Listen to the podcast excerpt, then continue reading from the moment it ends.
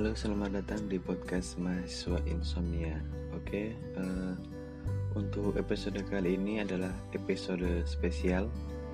Jadi membahas tentang uh, tips dan kiat terkait penulisan jurnal internasional yang terindeks Scopus. Oke, jadi ini merupakan uh, audio hasil workshop penulisan yang kebetulan waktu itu saya sebagai ketua panitianya. Oke ya, uh, untuk episode yang pertama ini, untuk episode spesialnya adalah dari Profesor Dr. Abdul Rohman MSI APT. Uh, eh, beliau adalah dosen dari Farmasi UGM. Oke ya, selamat mendengarkan dan juga jangan lupa download materinya uh, untuk linknya bisa dicek di deskripsi oke bapak ibu ini ini profil saya sofa saya dari apa sudah tadi katakan lebih dari 110 karena beberapa mau masuk karena sudah accepted tetapi belum uh, uh, terindeks belum masuk ke. Indeks saya dari hari ini 18. Ya kita kita sekarang tadi Bapak Ibu. Nah, ini tadi saya katakan Kenapa kita harus? Suka nggak suka Kalau Anda itu mau lulus S3 Anda harus punya publikasi Anda akan memperoleh dana Anda akan promosi Bapak Ibu yang mungkin ada yang profesinya dosen. Poin tertinggi kalau Anda mau untuk promosi Itu biasanya adalah ada di publikasi. Oke, pertanyaan selanjutnya adalah artikel apa yang bisa kita uh, publikasikan pertama kali Bapak Ibu tadi dikatakan Pak Roto kita marah secara negara kita kalah dengan Malaysia. Tidak hanya sepak bolanya kemarin yang tidak tidak kita kata kalah 4 tapi dari sisi publikasi itu kita seperempatnya ya. Malaysia 181 ini saya ambil dari SJ, dari Simago real time ya. Ini kita pun sudah kita seperempatnya 181 Indonesia itu 39 jadi kita seperempatnya mungkin kalau Anda mau dulu kalau dapat anugerah kayak anugerah luar biasa itu juga karena paper jadi banyak motivasi kalau kita itu mau menulis paper. Ya untuk promosi untuk lulus S3 Anda mau mendapat award itu paper ya. Saya tidak mendewakan paper yang tetapi kalau Anda punya penelitian penelitian yang baik adalah penelitian yang paling banyak dimanfaatkan. Tadi seperti dihentikan Pak Agus Kuncoko kalau dalam bahasa agama khairun nas anfa'um linnas sebaik-baiknya manusia adalah yang paling bermanfaat bagi manusia maka khairul istiqra sebaik-baiknya penelitian adalah penelitian yang paling banyak manfaatnya bagi manusia. Jadi publikasi itu ya itu dimanfaatkan, dipatenkan dan sekaligus dipublikasikan maka itu jadi paripurna Bapak Ibu.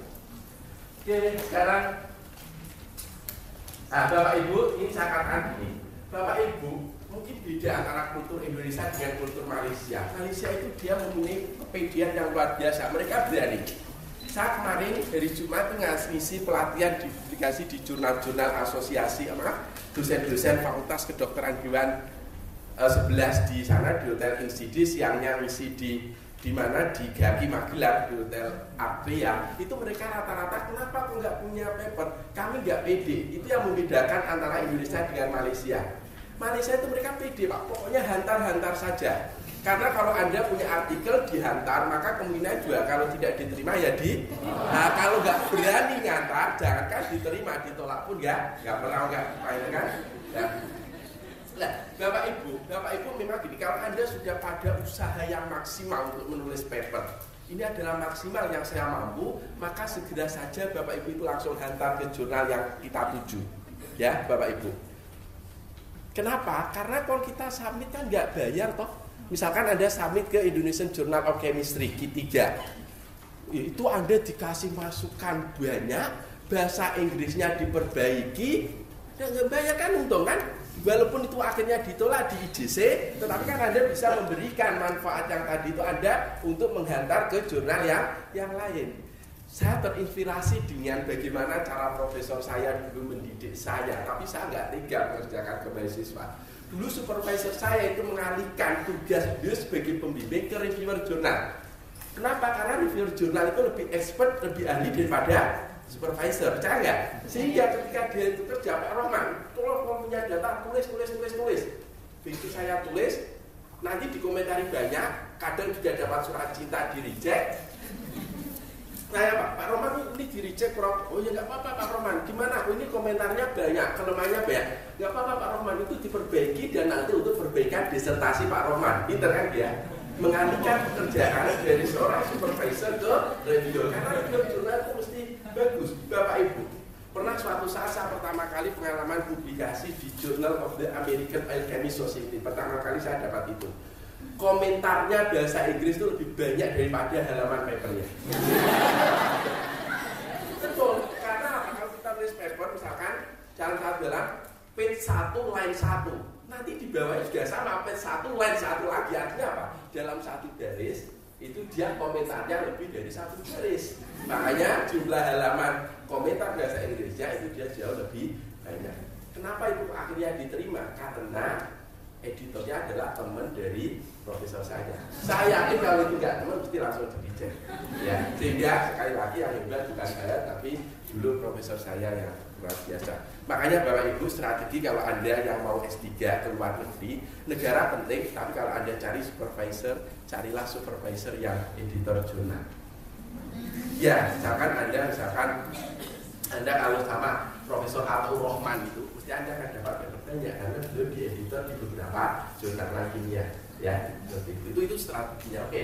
Nah maka bapak ibu berani saja jangan pernah makanya itu berani Anda sudah punya artikel dan itu menurut Anda adalah upaya maksimal sudah dikonsultasikan sama dosennya berani aja jangan pernah menyimpan dulu karena kita bisnis jurnal publikasi di jurnal kan tidak tergantung dengan Anda.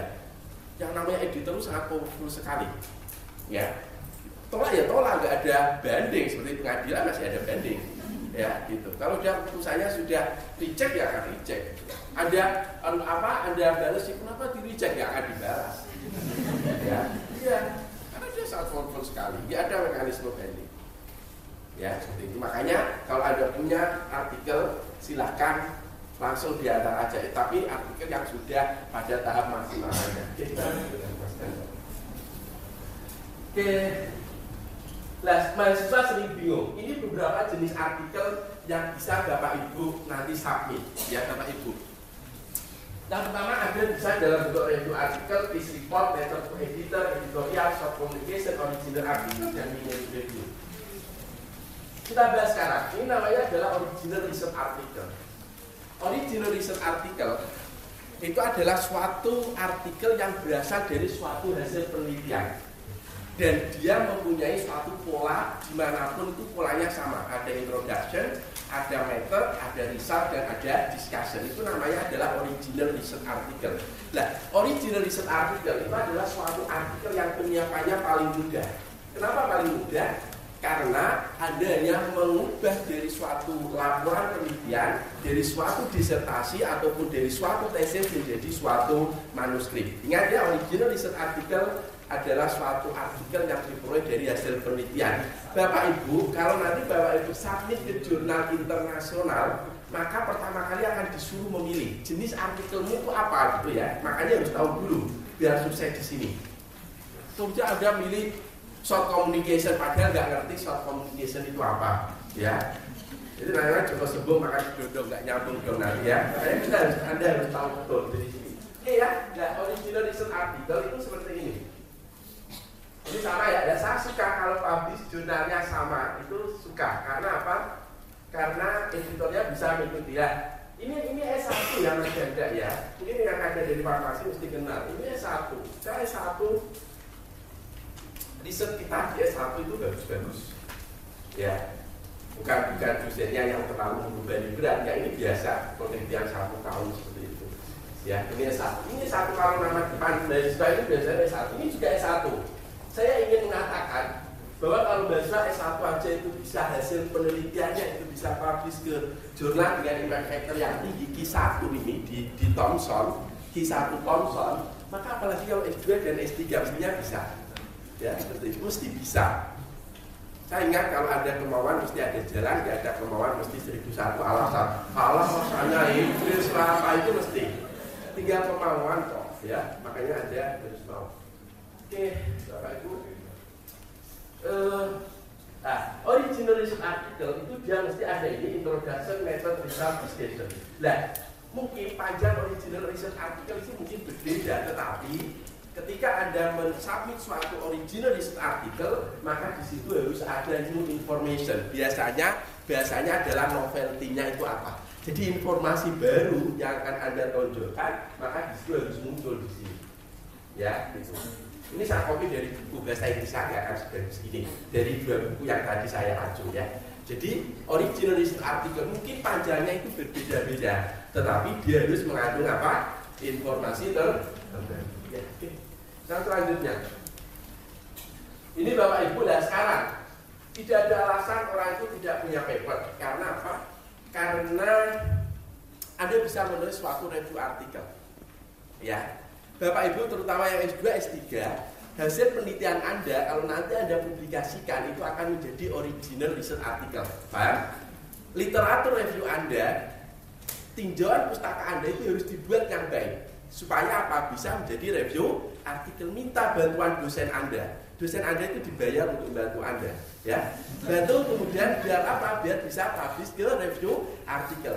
Saya cerita di S3 karena sudah saya cover di S3 di sana.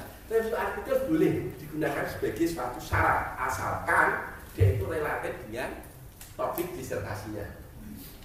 Misalkan kalau disertasinya itu adalah penggunaan spektroskopi inframerah untuk analisis lemak babi misalkan dia boleh menulis review apa namanya terkait dengan analisis kehalalan produk. Kenapa? karena lemak babi termasuk komponen non halal itu boleh karena itu relatif. Kalau disertasinya kehalalan tapi reviewnya tentang farmasi sosial juga bisa kita terima.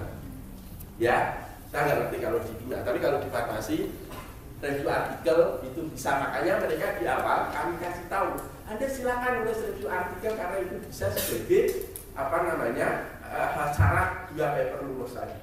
Oke. Nah, kalau review artikel itu Bapak Ibu ya, itu Anda bisa di-invite oleh editornya, dilamar artinya, ya, ataupun Anda yang aktif. Contohnya ini Bapak Ibu. Nah, ini kami dilamar. Karena dulu riset kami itu terkait dengan halal maka begitu itu dilamar, kalau kita itu dilamar, artinya mesti diterima atau ditolak? Mesti diterima, paling-paling ada catatan kecil. Atau kita itu aktif menawarkan diri. Ini ya, nah misalkan ini, kami aktif menawarkan diri seperti ini. Ya saya sendiri, oh, saya nulis sendiri, oh. ya. Istri saya tidur, saya nulis ya. Oke ini, ini, ini, ini saya publikasikan ke jurnal internasional, jurnal of Property ini review artikel ini PPT-nya 1,586. Yang luar biasa ini Bapak Ibu. Ya, ini PPT-nya 4,601. Apply spektroskop. Saya, saya ingin menunjukkan tipnya seperti apa kalau nanti Anda nulis review artikel. Ini juga sama 2014 keluar dan barusan saja saya juga dapat di apply spektroskopi review langganan dapat. Bapak Ibu yang saya katakan gini, kalau Anda menulis review artikel, maka review artikel itu bisa dipublikasikan ke jurnal yang kitanya itu dia itu hanya menerima review seperti offline spektroskopi review ini itu dia hanya menerima review atau jurnal yang selain dia menerima review tapi dia itu asalnya itu hanya menerima original research artikel seperti Indonesian Journal of Chemistry itu kan banyaknya adalah apa original research artikel tetapi kalau anda punya review yang bagus juga bisa di masukkan ke sana. Paham Bapak Ibu ya? Mas Denda, pertanyaan saya, kalau Anda punya review artikel, Anda akan submit ke jurnal yang khusus review atau jurnal yang juga menerima original research artikel? Hmm? Di mana Bapak Ibu? Pinter, ini jam yang khusus Pak. Karena kalau yang khusus dia itu memang betul-betul membutuhkan. Tetapi kalau dia itu tidak khusus review artikel, orang Jawa bilang butuh rabutuh apa enggak terbukti pak walaupun factornya ini itu tiga kali ke sini tiga tiganya masuk accepted tapi yang tadi satu karena dia itu menerima juga original research artikel pertama kali saya accepted saya ulangi lagi di reject iya karena apa karena dia sudah banyak oh saya nggak perlu kok kalau nggak bagus betul dia nggak akan menerima tapi kalau yang yang yang khusus review itu dia kemungkinan akan naskah dan akan diterima. Itu Bapak Ibu pesan saya. Oke Bapak Ibu, keuntungan nulis review itu apa Bapak? Pertama, impact factornya mesti tinggi. Karena orang itu lebih suka mencitasi review daripada original research artikel. Makanya kalau kita itu mau citasinya tinggi, itu kita harus review artikel. Coba kalau Anda nulis paper, Anda mau membuat introduction, itu Anda lebih suka membaca original research atau membaca review? Nah, maka Anda akan mencitasi review, betul nggak? Terbukti top 10 paper dengan impact factor tertinggi semuanya adalah review. Anda tahu? Impact tertinggi di dunia jurnal apa? Nature enggak, Nature nomor lima Pak. Nature itu impact factornya 40-an. Apa yang nomor satu yang paling tinggi? Oh, saya enggak di belakang. Cancer for clinical, impact factornya 187,5. Eh, di ini. Anda bisa cek, itu underway ini. Cancer for clinical. Dan itu semuanya review Bapak Ibu. Yang baik ini makanya kalau Anda mau tingkat citasinya itu cepat, maka Anda saya sarankan Anda membuat review dan dipublikasikan di jurnal yang nah, khusus review. Karena orang akan membaca di situ. Misalkan Anda mau tahu teori-teori atau aplikasi tentang spektroskopi bagi orang kimia, maka Anda masuk ke jurnal ini, mesti isinya adalah terkait dengan perkembangan spektros. Gitu ya? Ya, yes. Saya, oke. Okay.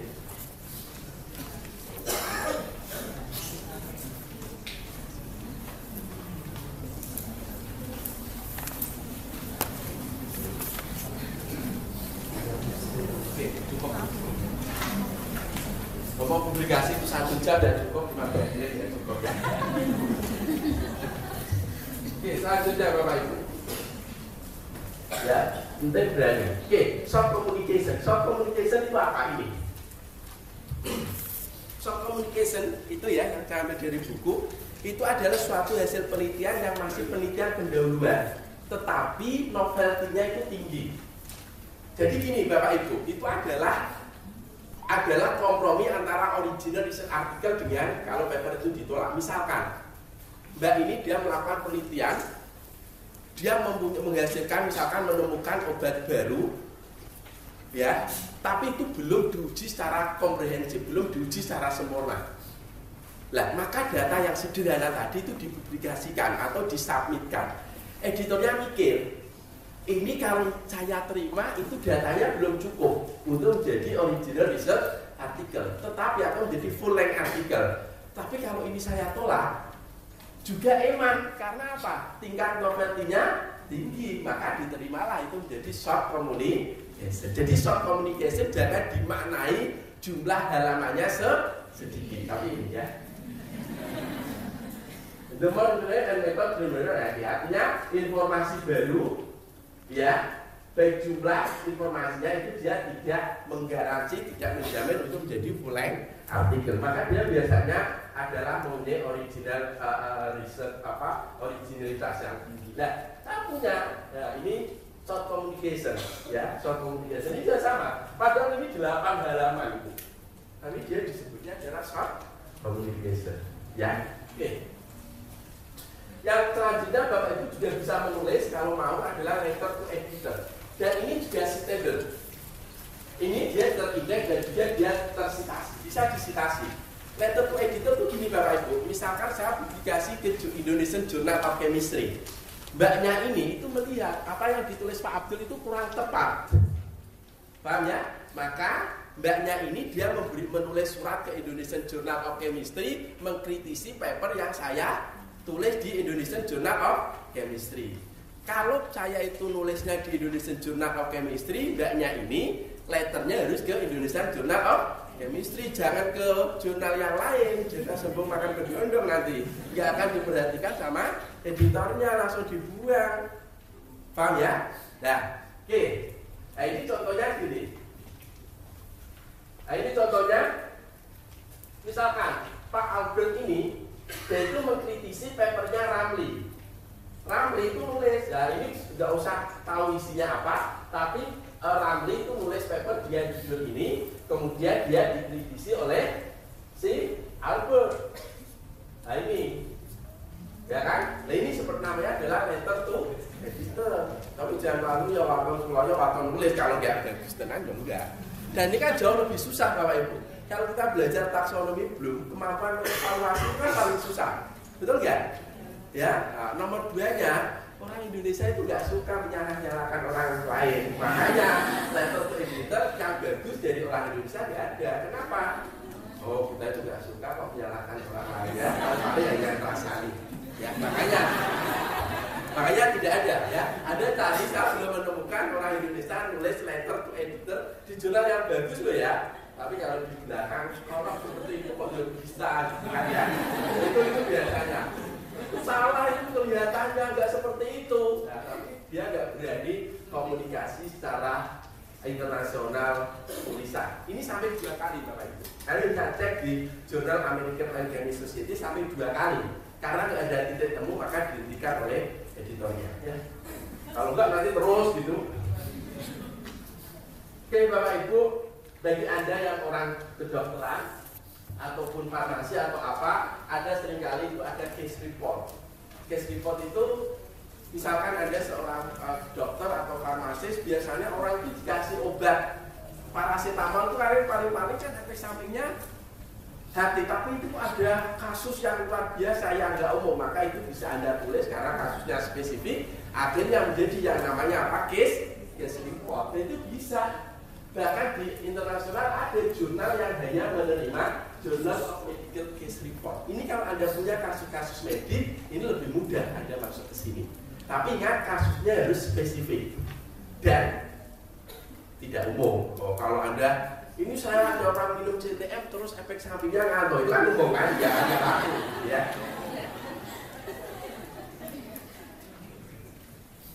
Eh, sama kalau kita kalau bahasa kami juga kasih rek apa namanya book chapter asalkan itu di, di, di, di apa namanya dipublikasikan oleh uh, publisher yang bereputasi seperti ini Elsevier itu kita bisa menggantikan sebagai review artikel bisa untuk sebagai syarat lulus tapi harus anu ya apa, apa namanya publishernya oke bapak ibu sebenarnya mau ingin saya cerita banyak tapi suatu saat lagi saya ingin langsung karena waktunya mau habis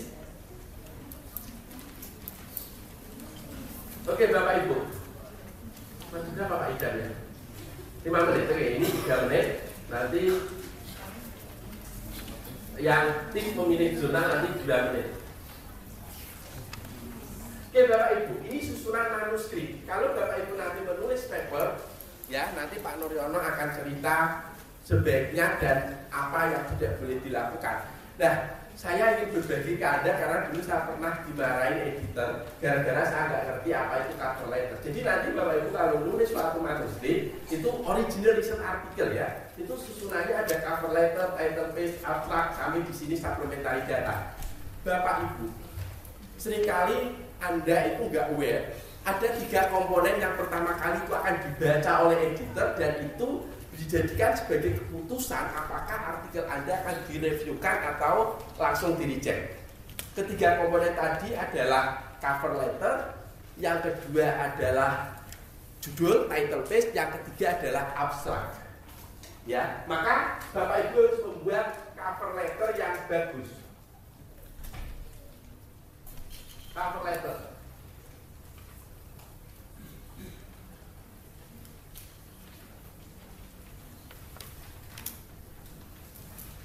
Nah, jadi cover letter itu surat pengantar, surat pengantar. Saya kalau ada baca, saya dulu pernah tanya wartawan ada di detik.com bagaimana susah dikanya menulis paper. Itu kan kalau kita mensubmit melamar suatu artikel ke jurnal kan sama dengan melamar anak gadis kan ya. Mungkin yang pernah ikut ada ya inginnya kalau kita itu mau submit artikel mestinya ke jurnalnya kan yang bagus, yang impact tinggi, betul kan? Nah, tapi kan kita harus lihat kualitas artikel kita itu seperti apa. Sama lah kalau saya ditanya punya istri ya seperti Raisa Andiana, pengennya. Tapi dengan modal seperti ini ya cukup istri saya nggak ada factornya pun nggak apa-apa kan gitu ya. Yang penting berindeks fokus. Yang penting kan cara boros ya kan. Nah, ada kan juga gitu toh paling-paling nanti kalau syaratnya itu harus terindeks fokus mesti yang dikejar yang penting terindeks fokus kan gitu kan karena prioritas anda kan lulus bukan di jurnal yang high impact ya kan Gak apa-apa orang punya strategi pertama cover letter bapak cover cover letter itu surat pengantar. Jadi ini yang dibaca pertama kali oleh seorang editor itu adalah surat pengantar. Saya ingat betul ketika dulu saya melamar istri saya, itu saya mengajak yang namanya Profesor Dr. Sudirjo Martono. Saya suruh melamarkan. Mesti dia akan ngapik-ngapik saya, betul ya? Iya sama. Cover letter kita itu harus kita isi dengan sesuatu main finding apa yang akan kita sampaikan ke editor. Contohnya gini, Bapak Ibu, saya cerita ini contoh cover letter ya, biasa lah profesor ini yang terhormat, terus saya ingin menggadang lah. Jangan lupa ini, urgency of this paper. Urgensi paper itu apa? Kok berani-beraninya kamu menghantarkan ke jurnal kami? Maka saya cerita di situ. Adanya pemalsuan daging anjing dengan bakso sapi itu menjadi umum. Maka diperlukan suatu metode analisis untuk mendeteksi daging anjing dalam bakso sapi. Oh saya cerita di sini bahwa ini adalah artikel pertama kali yang melaporkan ya dia selepet-lepet gitu kan ya. Oh dia ini pertama kali.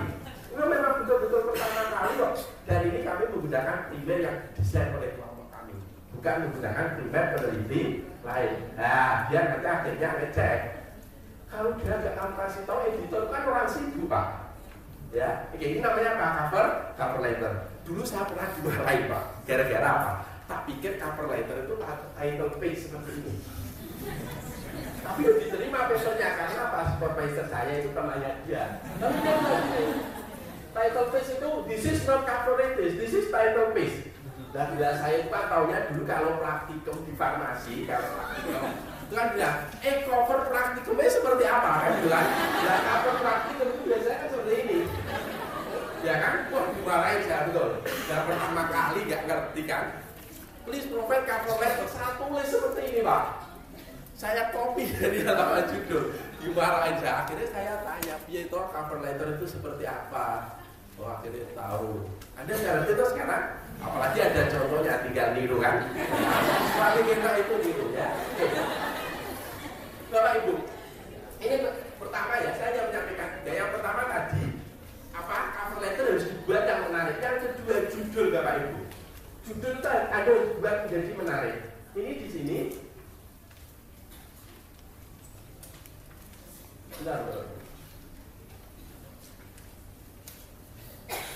Ini, ya. Jadi sekali lagi bahwa title, abstract, dan cover letter itu adalah hal pertama yang seorang editor, reviewer, dan pembaca itu akan melihat. Jadi tiga strategi. Makanya tadi cover letter anda sudah tahu yang kedua adalah title page. Ini saya ada pesan khusus untuk Anda.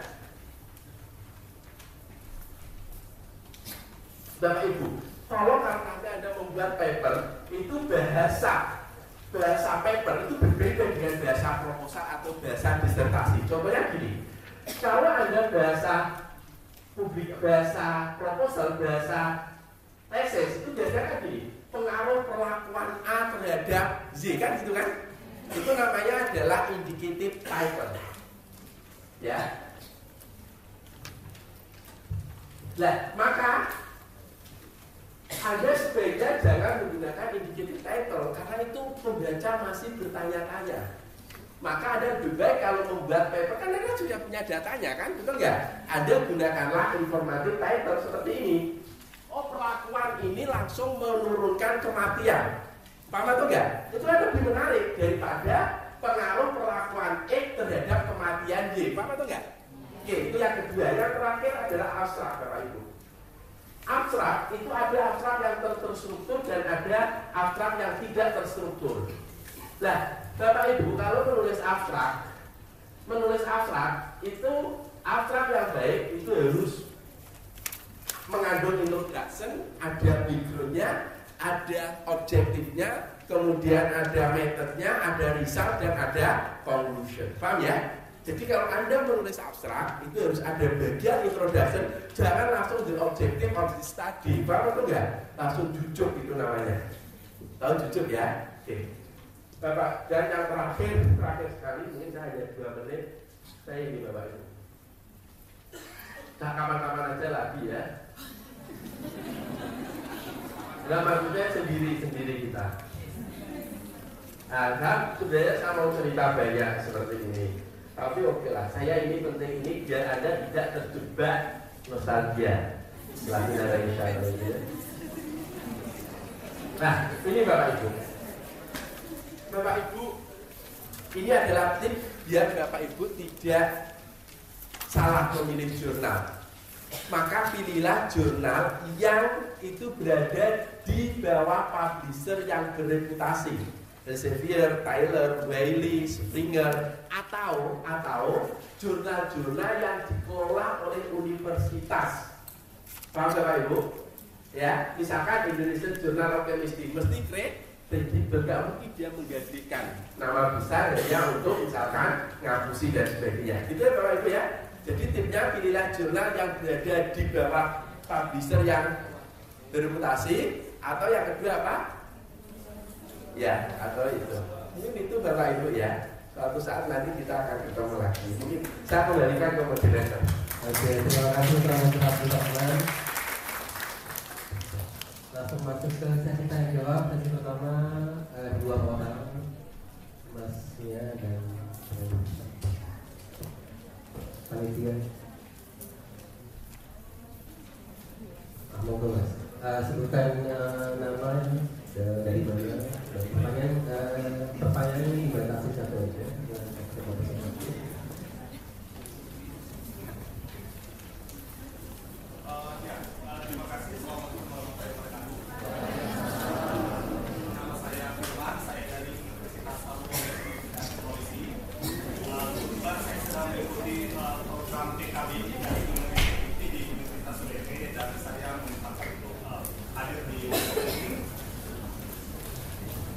Ya, uh, terima kasih Pak.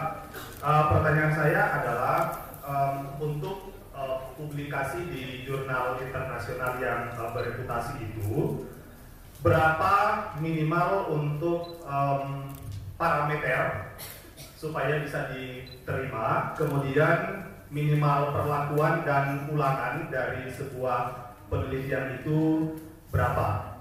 Kemudian satu lagi, um, yang sistematika review tadi kalau misalnya untuk dosen bisa apa tidak begitu Pak walaupun dia tidak memiliki uh, hubungan dengan uh, penelitian yang di, di disertasi. Ya terima kasih itu saja Pak. Assalamualaikum warahmatullahi wabarakatuh. Langsung aja saya singkat-singkat karena yang mau tanya banyak. Yang pertama Pak, saya selalu menyarankan gini. Berapa parameter, berapa ulang. Kalau ulangan semakin banyak semakin baik. Tetapi berapa parameternya itu tiap jurnal dia punya punya standar sendiri. Paling enak Pak. Selalu saya berikan tip gini. Kalau Anda mau ke submit suatu artikel Anda ke jurnal A, maka Anda lihatlah di akhir dari jurnal A.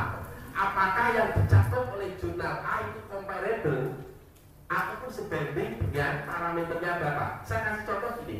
Di penelitian sosial, Anda mau submit di jurnal A. Jurnal A itu kalau melakukan analisis atau dia mengambil pasien, itu sampelnya itu adalah lingkupnya negara. Nah ini jurnal ini lingkupnya kecamatan. Ya ini contohnya ekstrim. Bisa nggak kalau ini saya antarkan ke jurnal tadi? Mesti langsung di reject. Anda harus wise, Anda harus memilih suatu jurnal yang masih menerima artikel yang jumlah sampelnya lingkupnya kecamatan. Kalau dalam bidang kimia, orang-orang kimia misalkan kalau uh, kelindan atau perkawinan farmasi dengan kimia misalkan aktivitas ekstrak E terhadap antioksidan. Kalau ada yang baru ekstrak ada submit ke jurnal yang selalu ada struktur kimiawinya ada bijaksana nggak? nggak bijaksana mesti langsung di reject ada memilih jurnal yang masih menerima ekstrak. Itu pak ya. Paling enak lihat latest artikel Oke, ya. Kemudian review artikel, boleh pak. Ah, ah, memang enak kalau nulis review artikel itu kalau kita sudah punya record di bidang di bidang yang topik yang kita angkat. Paham ya pak ya? Tetapi nggak usah khawatir pak. Kalau review anda bagus, walaupun anda itu baru S3 belum punya track record dan kebetulan pembimbing anda juga belum punya track record di situ, tidak ada paper dari kelompok anda yang anda citasi tetap boleh pak, masalah pokoknya harus berani sah ya itu pak ya oke itu oke pertanyaan kedua dari bapak yang di atas silahkan Selamat pagi semuanya. Nama saya baru dari Pasca Kimia UGM. Uh, satu pertanyaan saja Pak. Itu tadi Bapak kan menjelaskan soal soft communication, yang mana itu kan analisisnya sangat tinggi. Kira-kira uh, bagaimana cara menulis short communication yang mana misalnya kita meneliti yang benar-benar sangat baru dan tidak ada rujukannya. Itu kan kalau misalnya kita citasi kan ada rujukannya sebuah jurnal yang lain. Tapi kalau memang ini hal yang sangat baru itu kita rujuknya ke mana kan nggak tahu. Nah, itu gimana cara menulisnya pak? Masih ya pak ya. Oke pak. Short communication itu secara struktur artikel itu sama dengan original research article secara struktur ada introduction ada material ada method ada research and discussion sama persis pak cuma kalau anda tanya merujuk kalau rujukan misalkan anda itu mensintesis atau mengisolasi senyawa yang betul-betul baru kalau terkait dengan senyawa tadi itu memang tidak ada tetapi anda mau misalkan metode isolasinya atau metode sintesisnya mesti kan ada apa? Anda bisa mengacu itu. Jadi banyak aspek yang bisa diacu. Kalau senyawa baru itu ya nggak ada, tetapi kan dari cara sintesisnya gitu kan? Dari pendekatan gugus dengan aktivitas kan mungkin bisa. Gitu ya pak ya? Monggo. Uh, masih dibuka lagi dua pertanyaan. Uh, ibu dan bapak di belakang. Tengah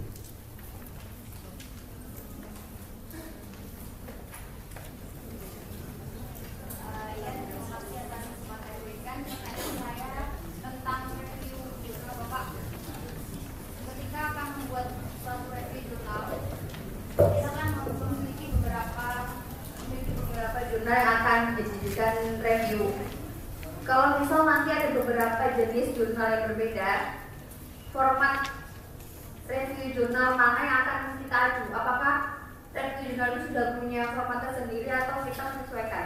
Oke terima kasih. Oke langsung saya jawab ya. Yang mempunyai struktur tadi itu original research article review itu tidak ada. Yang paling-paling hanya judul, abstrak, kemudian introduction, yang lainnya itu ya sesuai apa yang ingin kita kaji, gitu ya. Jadi tergantung Anda mau melihat dari sisi yang mana. Yang membatasi adalah peneliti sendiri. Itu ya mbak ya? Nah, jadi nggak ada formatnya harus segini oke.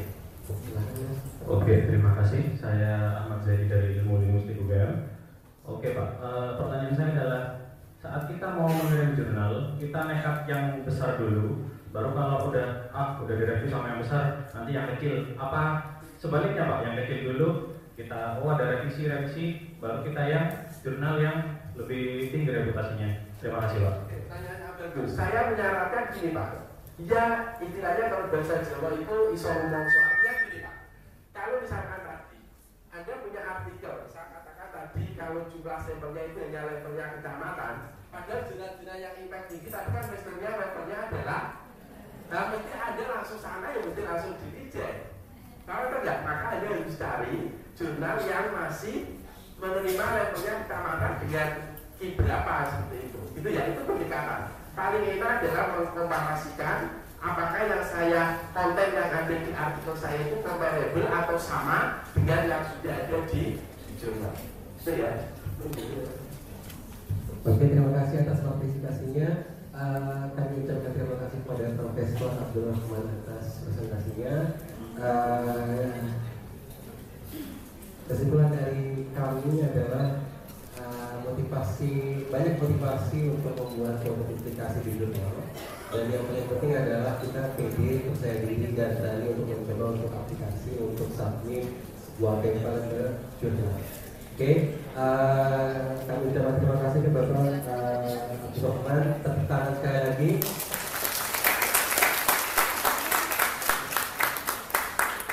Oke, terima kasih Bapak.